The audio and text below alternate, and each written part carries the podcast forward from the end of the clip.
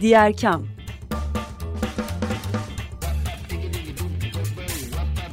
Sosyal fayda dünyasından fikirler, tartışmalar, haberler.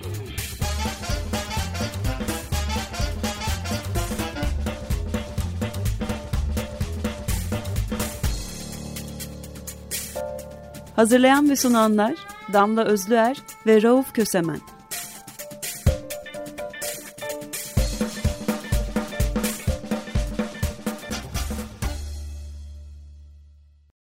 Herkese merhaba 95.0 Açık Radyo'da Diğer Kam'da Damla Özler'le birliktesiniz. Sevgili program ortağım Rauf bugün maalesef bizlerle beraber olamadı. Ancak çok özel bir konuğumuz var. UNDP Türkiye Marias Proje Yöneticisi Mehmet Gölge bizlerle beraber ve bugün istilacı türleri konuşacağız Mehmet'le. Mehmet hoş geldin. Merhaba Damla, hoş bulduk. İyi yayınlar dilerim. Sana da iyi yayınlar olsun. Dinleyicilerimiz için de hem bilgilendirici hem keyifli bir yayın olur umarım. İstilacı türler diye büyük başlığı açtık. Ee, ancak biraz neden bahsettiğimizi e, konuşalım. Kıyılarımız işgal altında. Pek çok istilacı tür var ve UNDP Türkiye'nin de e, devam eden bir Marias projesi var. Biraz bu projeden baş, bahsedelim mi ilk önce? Nereden çıktı Marias ve ne yapıyor? Ve istilacı türler derken nelerden bahsediyoruz? Tabii ki. Önce istersen istila tür nedir gibi hani klasik bir girişle başlayalım. Normalde türler kendi kendine üreyebilen, çoğalabilen canlılar, canlı organizmalar. Bunlar belli bir ekosistemde kendi doğal ortamlarında yaşadıkları zaman o yerin doğal türü ya da yer, yerel tür, yerli tür diyebiliriz. Bunlar zaman içerisinde ve insan kaynaklı etkilerle bunlar kirlilik olabilir, habitatın bozulması olabilir ve son dönemlerde iklim değişikliğinin artan etkileri sebebiyle bulundukları ortamlardan farklı ortamlara yerleşebilen türler. Bunları yabancı türler olarak isimlendiriyoruz. Ancak zaman içerisinde bu türler bulunduğu ortama uyum sağlıyor, çoğalmaya başlıyor ve ekosisteme, insan sağlığına, ekonomiye ciddi zararlar vermeye başlıyor. Bu zaman artık biz o yabancı türleri istilacı yabancı türler olarak tanımlıyoruz. Hani karada ciddi bir sorun, denizlerde daha da büyük bir sorun bence ki denizlerin sınırı yok. Yani bu türler bir denizden çıkıp insan faktörüyle çeşitli alanlara gidebiliyor. Ve geldiği yerde ekosistemi cidden tehdit eden türler. Belki, birazdan belki daha detaylı olarak konuşuruz. Küresel ölçekte bu denizler istilacı yaban türler ciddi bir tehdit olmaya başladı. Ve bunu gören Doğa Koruma Milli Parklar Genel Müdürlüğü ve Birleşmiş Milletler Kalkınma Programı bunları yönelik ne gibi çalışmalar yapabiliriz, nasıl faaliyetler yürütebiliriz konusunda düşünmeye başladılar ve fikir birliğine ulaştılar. Ya bu bahsettiğimiz Marias diye kısaca isimlendirdiğimiz denizler istilacı yabancı türler projesi de aslında bu tehditi görerek ortaya çıkan bir proje. Projemiz 2018 yılında başladı ama geçmişi biraz daha eski. Yani bir daha öncesinde 3 yıllık yaklaşık 3 yıla varan bir hazırlık süreci var bu tehditin üzerine. Neler yapılabilir? Nasıl bir etkinlik gerçekleştirebiliriz? Bu kapsamda oluşturulmuş bir proje. İstilacı Yabancı Türler projemiz. Peki şimdi hep şey söylenir. Üç tarafı denizlerle çevrili cennet vatanımız diye başlayan bir e, klişe cümlemiz var biliyorsun. Fakat bu sefer üç tarafı denizlerle çevrili cennet vatanımızın denizleri hakiki bir tehlike altında. Aynı zamanda Özellikle Marmara ve Akdeniz üzerinden baktığımızda Marmara'da çok ciddi bir kirlilik boyutuyla beraber değişen ekosistem var. Akdeniz iklim krizinden en çok etkilenen e, bölgeler arasında başı çekiyor bildiğim kadarıyla. Yanlış bir şey söylersen beni düzelt lütfen. Bu durumda da ekosistem hali hazırda çok kırılganken bu etkilerin getirdiği istilacı türlerle beraber ciddi bir tehlikeye bakıyoruz. Nedir etkileri istilacı türlerin? Ya aslında şey çok güzel söyledin. Hani üç tarafı denizlerle çevrili cennet bir vatanımız. Aslında bir de Marmara'mız var. İç denizimiz. Dört tane denizimiz var. Gerçekten güzeller. Ama tehdit ya da bu denizlerimiz üzerindeki sıkıntı maalesef bitmiyor. İşte kirlilikten tutun, yasa dışı avcılığa ya da deniz kaynaklı kirliliklere kadar bir sürü derdi vardı denizlerimizin. Bir de bunun üstüne yine insan kaynaklı bunu özellikle belirtiyorum. Hani türlere tamam istilacı diyoruz ama Asıl sorun belki insanda. İnsan kaynaklı etkiler sebebiyle istilacı yabancı türler sularımıza giriyor. Ve bunlar ne gibi etkileri sebep olabilir? Birincisi bulunduğu ekosistemdeki yerel türlü yerli türleri tehdit ediyor. Örneğin aslan balığı. Kendisinin yani yarım saat içerisinde çok sayıda balık tüketebiliyor. Ve bu geldiği ortamda Akdeniz'de belli bir bunun avcısı olmadığı için yayılabiliyor. Ki bu türler Akdeniz'de daha, çok küresel iklim değişikliğinin de etkileri ve Süveyş kanalının açılmasıyla Kızıldeniz üzerinden Akdeniz'e giriyorlar ve direkt Akdeniz aslında bu yabancı türlerin ve sonrasında da istilacı yabancı türlerin bir otobanı olmuş durumunda maalesef ve kıyılarımızı sürekli işgal ediyor. Kuzeye çıktıkça ve Karadeniz'e geldikçe Kızıldeniz türleri azalıp balast suyu kaynaklı türler olabiliyor. Tekrar şeye dönüp daldan dala atlıyor gibi oluyorum ama gerçekten geniş bir konu ve hepsini de aktarmaya çalışıyorum ama eksikler olabilir. E, dediğim gibi yerli türler üzerine zarar veriyor. Bulunduğu ortama yerleşiyor ve yerli türleri azaltabiliyor. Yine ekonomiye zarar verebiliyor. Birincisi sizin avladığınız balık türlerini yok edebiliyor. İkincisi balıkçılık ekipman, ekipmanlarına, av ekipmanlarına zarar verebiliyor. Ekonomik bir sıkıntısı var. Yine sağlık açısından da ciddi tehlikeler oluşturabiliyorlar. Bunlar zehirli balon balığı gibi etinin zehirli olduğu, aslan balığı gibi ışınlarının zehirli olduğu türler var. Bunlar hani görünür olduğu için özellikle bunlardan bahsediyorum. Yani insan sağlığını ciddi tehdit altına alıp ve durumuna göre ölüme de yol açabilecek türler var. Maalesef o yönde yani denizlerimiz ciddi bir istilacı baskısı altında. Şimdi projeyle birlikte siz e, çok basit bir şey söylüyorsunuz aslında. Sağlıklı denizler, sağlıklı yaşam üzerine çalışıyoruz herkes için diye ve e, hem sürdürülebilir kalkınma amaçlarından 14. amacı yani sudaki hı hı. yaşamı hem de biyolojik çeşitlilik sözleşmesindeki Aiç hedefi 9'u kapsıyorsunuz. Sudaki yaşamı çok fazla konuşulduğu için artık neredeyse tüm dinleyicilerimiz özellikle de açık radyo dinleyicisi tabii e, biliyor. Ama Aiç hedefi 9 derken neden bahsediyoruz? Nasıl bir hedef için çalışıyoruz? Şimdi öncelikle şey hani sağlıklı denizler sağlıklı yaşam diye bahsettik. Denizleri ben şeye benzetiyorum. Biraz insan vücuduna da benzetiyorum açıkçası. Hani ne gibi vücudumuzu ne kadar iyi korursak o kadar sağlıklı oluruz ve dışarıdan mikropların ya da yabancıların gelmesini burada engelleyebiliriz. Aslında denizlerimiz de bir nevi öyle. Bizim denizlerimizi, denizel ekosistemlerimizi gayet iyi korumamız lazım ki bu istilacı türlerin etkilerinden korunabilelim. Ona yönelik faaliyetlerimizi çok rahat yürüte, yürütebilelim. Şimdi e, suda küresel amaçlardan 14'üsünde zaten açık radyo kapsamında gayet geniş bir şekilde konuşuluyor, değerlendiriliyor. O yüzden Ayçi hedefleri 9 aslında istilacı yabancı türlerle ilgili hedefimiz. Biyolojik çeşitlilik sözleşmesi ulusal, uluslararası ölçekteki biyolojik çeşitliliğin korunması ve düzenlenmesine yönelik en önemli sözleşmelerden birisi. Hatta bence en önemlisi bu o konuda. Bu kapsamda Japonya'da yapılan toplantısında da çeşitli hedefler belirlendi. 20 tane hedef belirlendi. Bu 9. hedefimiz aslında istilacı yabancı türlerin geliş yollarının tanımlanması, önceliklendirilmesi ve ardından önceliklendirilen istilacı yabancı türlerin kontrol edilmesi ve eradikasyonunu içeriyor. Bu eradikasyona birazdan kısaca bir değineyim. Ve bunu yönelik de istilacı yabancı türlerin yönetimine yönelik de faaliyetlerin yapılmasını öngören bir hedefimiz. Yani aslında bu biraz tarih geçmiş bir hedef. 2020 itibariyle bu hedefe ulaşılmış olduğu varsayılıyordu. Ancak maalesef bu hedefe ulaşılamadı. Bu hedef içerisinde az önce bahsettiğim eradikasyon konusuna da döneyim.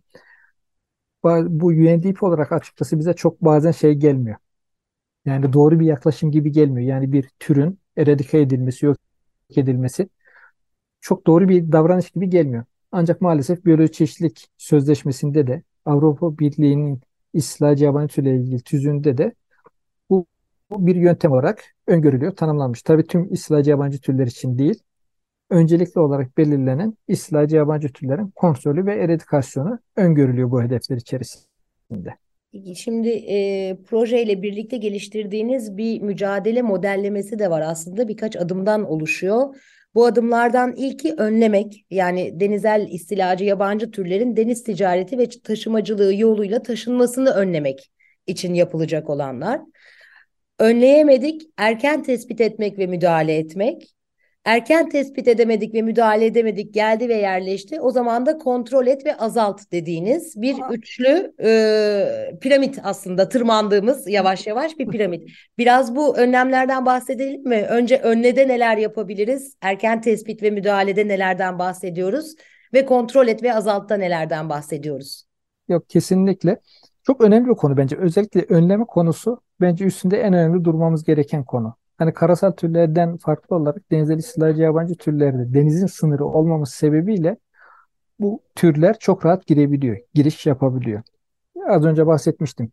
Temel giriş yolları en azından bizim denizlere biri Süveyş kanalı üzerinden kanalı kullanarak gelen yabancı türler. Diğeri de gemilerin balast sularıyla ya da karınalarına yapışarak e, gelebilen türler. Bu önlem açısından ne yapabiliriz? Aslında Süveyş kanalında yapılması gereken bence uluslararası baskı oluşturup Mısır'ın üzerinde burada doğal bariyerler oluşturmasını sağlamak. Yine bilim insanlarının bize verdiği bilgi şöyle. Eskiden yine Nil Nehri vasıtasıyla gelen tatlı sular ve denizdeki ıı, tuzluluk oran dengesi sebebiyle Kızıldeniz türlerinin Akdeniz'e kolay kolay geçemiyordu. Ancak Nil Nehri üzerinde yapılan barajlar ve kanalın genişletilmesi sebebiyle buradan girişler ıı, kolaylaştı. Belki önlemeye yönelik yapılabilecek olan uluslararası bir eylemdir bu. Mısır üzerinde Süveyş kanalı için gerekli tedbirlerin alınmasına yönelik bir baskı oluşturulabilir. Yani ne kadar başarılabilir o ayrı bir tartışma konusu ama önemli bir husus bence. Diğer ana giriş yollarımız ise balast suları. Bu balast suları dediğimiz geminin seyahati boyunca, seyir seferi boyunca dengesini sağlayan sular. İşte boşken su arıyorsunuz ve dolu olduğu zaman dengesini sağladığı için bu suyu boşaltıyorsunuz. Tabi bu niye sebep oluyor? Suya aldığınız örneğin Brezilya'da bir gemi çıktı. Okyanusta suya aldınız. Geldiniz onu Akdeniz'de boşalttınız. O zaman işte bir okyanustaki türü, yabancı türü Akdeniz'e yerleştirmiş, getirmiş oluyorsunuz. Eğer bu tür bulunduğu ortama, boşaltıldığı ortama uyum sağlarsa istilacı özelliğe, karaktere kadar kavuşabiliyor. Ha, bunu yönelik olarak da bir bala suyu sözleşmesi yürürlüğe girdi balast suyunun işte 200 mil açıkta, 200 metre derinlikte boşaltılabileceğine dair hükümler getirildi ve buna yönelik sıkı bir kontrol mekanizması öngörüldü. Keza bu teknelerin gövdesine yapışan türlerin temizlenmesine yönelik olarak da kurallar belirlendi. Bu balast suyu sözleşmesinin kurallarının sıkı sıkıya takip edilmesi ve uyumla, uygulanması gerekiyor bence. Özellikle 2004 2024 yılı itibariyle bu sözleşme, bala suyu sözleşmesinin bala suyundaki canlı organizmaları temizlemeye yönelik, arıtmaya yönelik e, kıstasları var. Bunun bence bir an önce yürürlüğe girip sıkı bir şekilde takip edilmesi gerekiyor. Yani önlem açısından yapabileceklerimizin ikisi bu. Ve bence en önemlilerinden birisi de aslında ekosistemimizi korumak. Yani kendi deniz ekosistemimizi diğer tehditlerden korumak işte kirlilikten korumak, belki habitatın yok olmasından korumak. Bunu yönelik faaliyetleri yürütmeliyiz ki dışarıdan gelebilecek bir tür kendisini çoğaltacak ya da yaşam orada yaşamını sürdürebilecek bir ortam bulamasın. Buna şey örneği de vereyim isterseniz. Ayvalık'ta da bir çalışma yürütüyoruz projemiz kapsamında. Deniz çayırları ki deniz ormanları olarak da onurlansa edebiliriz, değerlendirebiliriz hassas ekosistemler ve bunlar zamanla zarar gördükçe özellikle deniz çapalarından, deniz trafiğinden ya da kirlilikten zarar göre, gördükleri zaman boşalttıkları alana istilacı bir tür olan deniz üzümü yerleşebiliyor. Ve boş bulduğu ortamda bizim ekosistemimizin zarar görmesi sebebiyle onu önleyemiyoruz ve yerleşiyor. Eğer biz kendi ekosistemimizi korursak yabancı türlerin gelip o bulunduğu yeri işgal etmesi daha da zor olacaktır. Bir şekilde girdi bunu erken tespit e, edelim diye öngörülüyor. Tabi bu erken tespit özellikle denizlerde aslında çok kolay değil. Bu ya balıkçıların ya bilim insanların sahadaki çalışmalarıyla görebileceği hususlar yani sahada karşılarına çıktığında çıkıldığında görebilecekleri hususlar.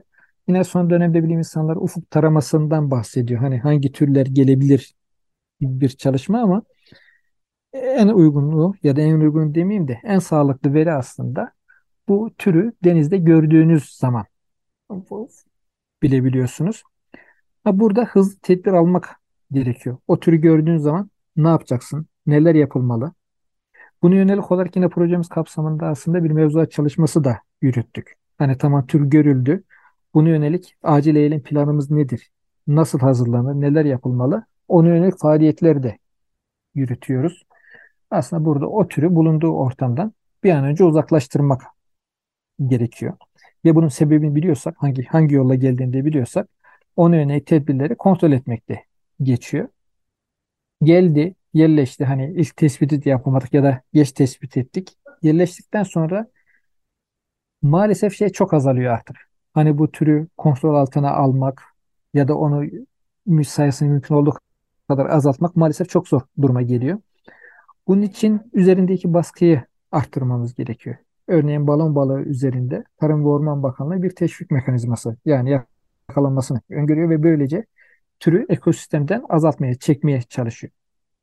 Yine bizim projemiz kapsamında yürüttüğümüz bir çalışma bu aslında ve çeşitli sivil toplum örgütleri de aslında bu benzer çalışmaları yürütüyor. Bu türler üzerindeki baskıyı nasıl arttırabiliriz? Örneğin aslan balığında avcılığını teşvik etmeye çalışıyoruz. Tüketilsin ki kendi ekosistemi içerisinde bir denge bulabilsin gibi bir yaklaşımımız var. Ama dediğim gibi bunu tamamen hani o tür geldikten sonra maalesef tamamen yok etmek ya da ekosistemi çıkarmak şu andaki bilgilerimizde çok mümkün görünmüyor. Yani en güzel aslında en başta bunu önlemek bahsettiğin gibi. E, bu meseleyi konuşurken e, aslında pek çok terim de uçuşuyor bir yandan. E, Doğrudur. Ekosistemden bahsediyoruz, istilacı tür de, diyoruz, denizel diyoruz vesaire. Bir yandan da regülasyonlardan bahsediyoruz. E, uluslararası sözleşmelerden bahsediyoruz ve zihinlerde o zaman çoğunlukla bunun yani bu korumanın bireylerden çok daha büyük bir mekanizmaya ait olduğu sadece duygusu uyanıyor. Elbette ki büyük mekanizmalar çok kritik ve en önemlisi yani e, herhangi bir uluslararası sözleşmelerin desteği değişecek olan regülasyonlar ve mevzuatlar olmadan bireylerin bunu yapması mümkün değil. Ancak evimizi korumak için hepimizin yapabileceği şeyler var. Çünkü evimizden bahsediyoruz. Sizler de özellikle birkaç sektörde e, neler yapılabileceğine dair raporlar yayınladınız. Bunlardan bir tanesi mesela akvaryum sektörü, bir tanesi su ürünleri yetiştiriciliği, bir tanesi deniz taşımacılığı, bir diğeri dalış sektörü e, ve ötekisi de re, rekreasyonel teknecilik yat, yatçılık sektörü. Şimdi bu sektörlerden bahsettiğimiz zaman iki ayaklı bir şeyden bahsediyoruz. Birincisi bu sektörün aktörlerinden bahsediyoruz. Yani dalgıçlar, e, tekneciler, yatçılar, e, su ürünleri yetiştiricileri, balıkçılar biraz önce söylediğin gibi akvaryumcular. Sizler eğer Açık Radyo'yu dinleyenler arasında bu mesleklerden kimse varsa bu işin doğal paydaşısınız. Evimizi korumak için sizin gözetmenliğinize ihtiyacımız var. Öbür yandan da tekneyle çıkan turistler Şimdi tam sezon başladı. Dalışa gidecek olan tüm dalgıçlar isterseniz e, bubble maker olun sıfırdan, isterseniz deneyimli 3 e, yıldız olun ya da eğitmen olun. E, sizler de aslında gözetmenlerimizsiniz. Kısacası hepimiz gözetmenlik yapabiliriz ve bunun için de aslında basitçe bu istilacı türlerle ilgili biraz daha fazla bilgiye ihtiyacımız var. Öyle değil mi? Yok e, kesinlikle. Yani belki büyük ölçekteki faaliyetler hani uluslararası bir camiyi ilgilendiriyor ama sonuçta hep bireylerden oluşuyor bu toplumlar. Her bireyin, herkesin kendince yapabileceği bir şeyler var. İlk başta dediğim gibi genel husus aslında. Bu konuyu öğrenmeliyiz. Deniz ekosistemimizin, denizlerimizin kıymetini anlamalıyız. İstilacı tür ya da yabancı tür nedir, ne değildir, onun etkilerini mümkünse öğrenmeliyiz, bilmeliyiz ve işte kirliliktir ya da diğer faaliyetlerdir. Bunu mümkün olduğu kadar engellememiz lazım. Yani bireysel olarak bile katkımız çok büyük. Yoksa denizlerimiz aslında şeyden başlamıyor. Hani kıyıya gittiğimizde başlamıyor. Normal evimizden başlıyor denizlerimiz. Ürettiğimiz her atık ya da kullandığımız her su sonuçta bir şekilde denizlerimize uğraşabilen, ulaşabilen faktörler. Yine aynı şekilde 5 tane sektörden bahsettik. Bu sektörlere yönelik bahsettiğin sektörlere yönelik farklı rehberler hazırladı. Temeli şuna dayanıyor aslında o rehberlerin ya da o paydaşların. Mümkün oldukça denizi kirletmiyoruz. Canlı, canlı türleri taşınmasına sebep olmuyoruz. Örneğin nasıl bu canlı türlerin taşınmasına sebep ol olabiliriz? Akvaryum sektörüne yönelik olarak bilgi bir konu şey. Şimdi akvaryumlar çeşitli balıkları ya da canlıları, denizel canlıları yetiştiriyoruz. Bu karasal da olabilir ama deniz özelinde gidelim biz yine de. Ve bir süre sonra bunu kıyamıyor insanlar. Evinde de bakamıyor. Bunu denize bırak bırakabiliyorsunuz. Ve o hiç ummadığınız bir anda başınıza çok büyük bir sıkıntılarla gelebiliyor. Örneğin mesela biz aslan balığından bahsediyoruz. Yine Karayipler'de de ciddi bir sorun aslan balığı ve temel çıkış noktası aslında büyük akvaryumlar için kullanılmasından kaynaklı olarak yani bir akvaryumculuk faaliyeti sebebiyle aslında yayılan bir tür. Yine dalış sektörüne yönelik olarak yani çok dalgıçlarımız bu ara daha da aktif halde. Bugün Akdeniz Antalya'da dalıyor. Diğer gün Karadeniz'de dalıyor. Ekipmanların özellikle dalış ekipmanlarının temizliğine bir denizden aldığı türü diğer denize götürmemek için gerekli tedbirleri almamız gerekiyor aslında. Bu dalgıçlarımızın buna da dikkat etmesi gerekiyor. Yine teknecilikte sadece bala suyu değil, geminin gövdesine de yapışabiliyor bu türler ve farklı denizlere, farklı sahalara gidebiliyor. Hani küçük çaplı teknelerde bu sorun çok fazla olmayacaktır. Çünkü bulunduğu ortam içerisinde genelde hareket edecektir ama her halükarda bu teknelerin ya da araçların, denizcilik araçlarının temizliğine ve bu canlıları temizliğine önem göstermeliyiz. Bu canlıların ya da farklı türlerin farklı ortamlara taşınmasını engellemeliyiz. Ona yönelik faaliyetleri yürütebiliriz. Bu küçük çaplı gemilerde de öyle. Tabii okyanus aşan gemilerde daha bir önemli hale geliyor. Yani bireysel olarak da yapabileceğimiz aslında önemli şeyler var. Diğeri de aslında belki hani dalgıçlar üzerinden yine gidelim. Hani erken tespit diyorduk ya bir türe. O erken tespiti gördüğü zaman ilgili kurumlar bunlar kim olabilir? Bilim insanları artık Tarım ve Orman Bakanlığı'na bunları bildirerek de hani tedbir alınmasını talep edebilir. Yine örgütlü toplum da burada bence önemli. Denizlerimiz ya da tüm çevremiz için birlikte hareket etmek, bir e, etki grubu oluşturmak bence önemli buralarda. Şimdi tam bu noktada aslında sizin e, çok katmanlı bir yaklaşımınız var bu projede. Bir yandan biyoçeşitlilik ve uluslararası sözleşmeler ve mevzuat üzerinden ilerlerken diğer yandan da sosyal ve ekonomik etkileri de gözeterek bunlara yönelik girişimlerde de bulunuyorsunuz. Özellikle aslan balığıyla ilgili aşçıları için içine kattığınız ilginç bir alt proje diyebilirim sanırım. Bir proje kırılımınız da var. Yani ekonomik olarak bazı tüketilebilir istilacı türleri tüketilir hale getirerek de kontrol etmeye çalışıyorsunuz. Biraz ondan bahsedelim mi? Ya tabii ki seve seve. Şimdi daha önce bahsetmiştim aslında. Bu yabancı türlerin istilacı hale gelmesinin sebeplerinden birisi de yeni geldikleri ortamda doğal bir avcısının olmaması. Aslan balığı da bunlardan birisi. Kızıldeniz'de bulunduğu zaman kendi üstündeki avcı baskısı sebebiyle belli bir dengede kalırken Akdeniz'de tabiri caizse hani meydanı boş bulup yayılabiliyor. Bunun üzerine bizim baskı yani insanı baskı oluşturması bekleniyor. Bu nasıl yapılabilir diye uzmanlar değerlendirirken sadece balın ışınları ya da o dikenleri zehirli temizlendikten sonra gayet rahat tüketilebilir ve eti lezzetli bir balık. Bunu yönelik de faaliyetlerimizi arttırdık. Bu balığın tüketilebileceğini ve yenebileceğine yönelik faaliyetler gerçekleştiriyoruz. Geçen yıl Hatay'da bir çalışma gerçekleştirmiştik. Aslan balığı yakalama yarışması ve tadım etkinliği yine usta aşçılarımızla birlikte farklı menüler ortaya çıkararak tüketimini gösterdik ve baskı oluşturmaya çalıştık. Yine yakınlarda geçen hafta 14-15 Mayıs, Haziran tarihlerinde de Fethiye'de bir etkinlik gerçekleştirdik. Yine bu aslan balığının tüketilebileceğini, nasıl tüketileceğine yönelik etkileri gösterdik. Umarım verimli oluyordur. Aslında hani deniz ürünleri de gerçekten sağlıklı ürünler ve bu türler üzerinde de ciddi bir baskı oluşturuluyor, oluşturulduğunu düşünüyoruz ki proje faaliyetleri kapsamında da yine devam etmeyi planlıyoruz bu çalışmalara.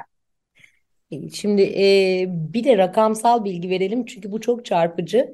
E, Türkiye denizlerinde tespit edilen yaklaşık 500 denizel yabancı tür girişi e, bulunuyor. E, dinleyicilerimiz özellikle Açık Radyo dinleyicisi çok angaje bir dinleyici. O yüzden onlara bunlarla ilgili bilgiyi nereden alabileceklerini de söylemiş olalım. Söylemeden geçmeyelim. İstilacılar.org adlı web sitesinde hem bu konuyla ilgili yapılan belgeseli seyredebilirsiniz hem de sektörlere yönelik broşürler kadar bütün bu istilacı türlerin detaylı biçimde anlatıldığı e, kataloğa da ulaşabilirsiniz. Böylelikle ilk adımı atmış olabilirsiniz diyelim. E, Mehmet zaman çok hızlı geçiyor. Su gibi akıp geçti. Son iki dakikaya girdik. Son eklemek istediğin bir şeyler var mı? Teşekkür ederim bilgilendirme için. İyi oldu aslında. Yani istilacılar.org web sayfamız hani bu kaynaklar açısından ve Türkçe kaynaklar açısından gayet verimli bir site. Elbette kendi kapsamında eksiklikler vardır. Ama dinleyicilerimiz onu dinleyebilir ve iletişim bilgileri de var aslında web sayfasında. Oradan da gerekli hususları iletebilirler. Son olarak şunu söylemek isterim aslında. Yine sen de bahsettin. Sağlıklı denizler aslında bize sağlıklı bir ekosistemi, sağlıklı bir dünyayı getiriyor. Yani istilacı yabancı türlerle mücadelenin en iyi yöntemi aslında kendi deniz ekosistemimizi ya da tüm ekosistemi korumak, bunu yönelik faaliyetleri birlikte ortaklaşa yürütmek en güzeli. Yani tür girdikten sonra değil, baştaki bizim önleme prensibiyle ekosistemlerimizi korumak bize gerçekten daha kolay ve daha iyi sonuçlar verecektir diye düşünüyorum. Çok teşekkür ederiz. Ee, Mehmet bugün bizlerle beraberdin. Ee, UNDP Türkiye Marias Proje Yöneticisi Mehmet Gölge bizlerle birlikteydi bugün ve denizel istilacı türleri ve onlarla mücadele yöntemlerini konuştuk. Haftaya tekrar buluşmak üzere. Diğer kamdan hoşçakalın diyoruz. Teşekkürler, iyi yayınlar.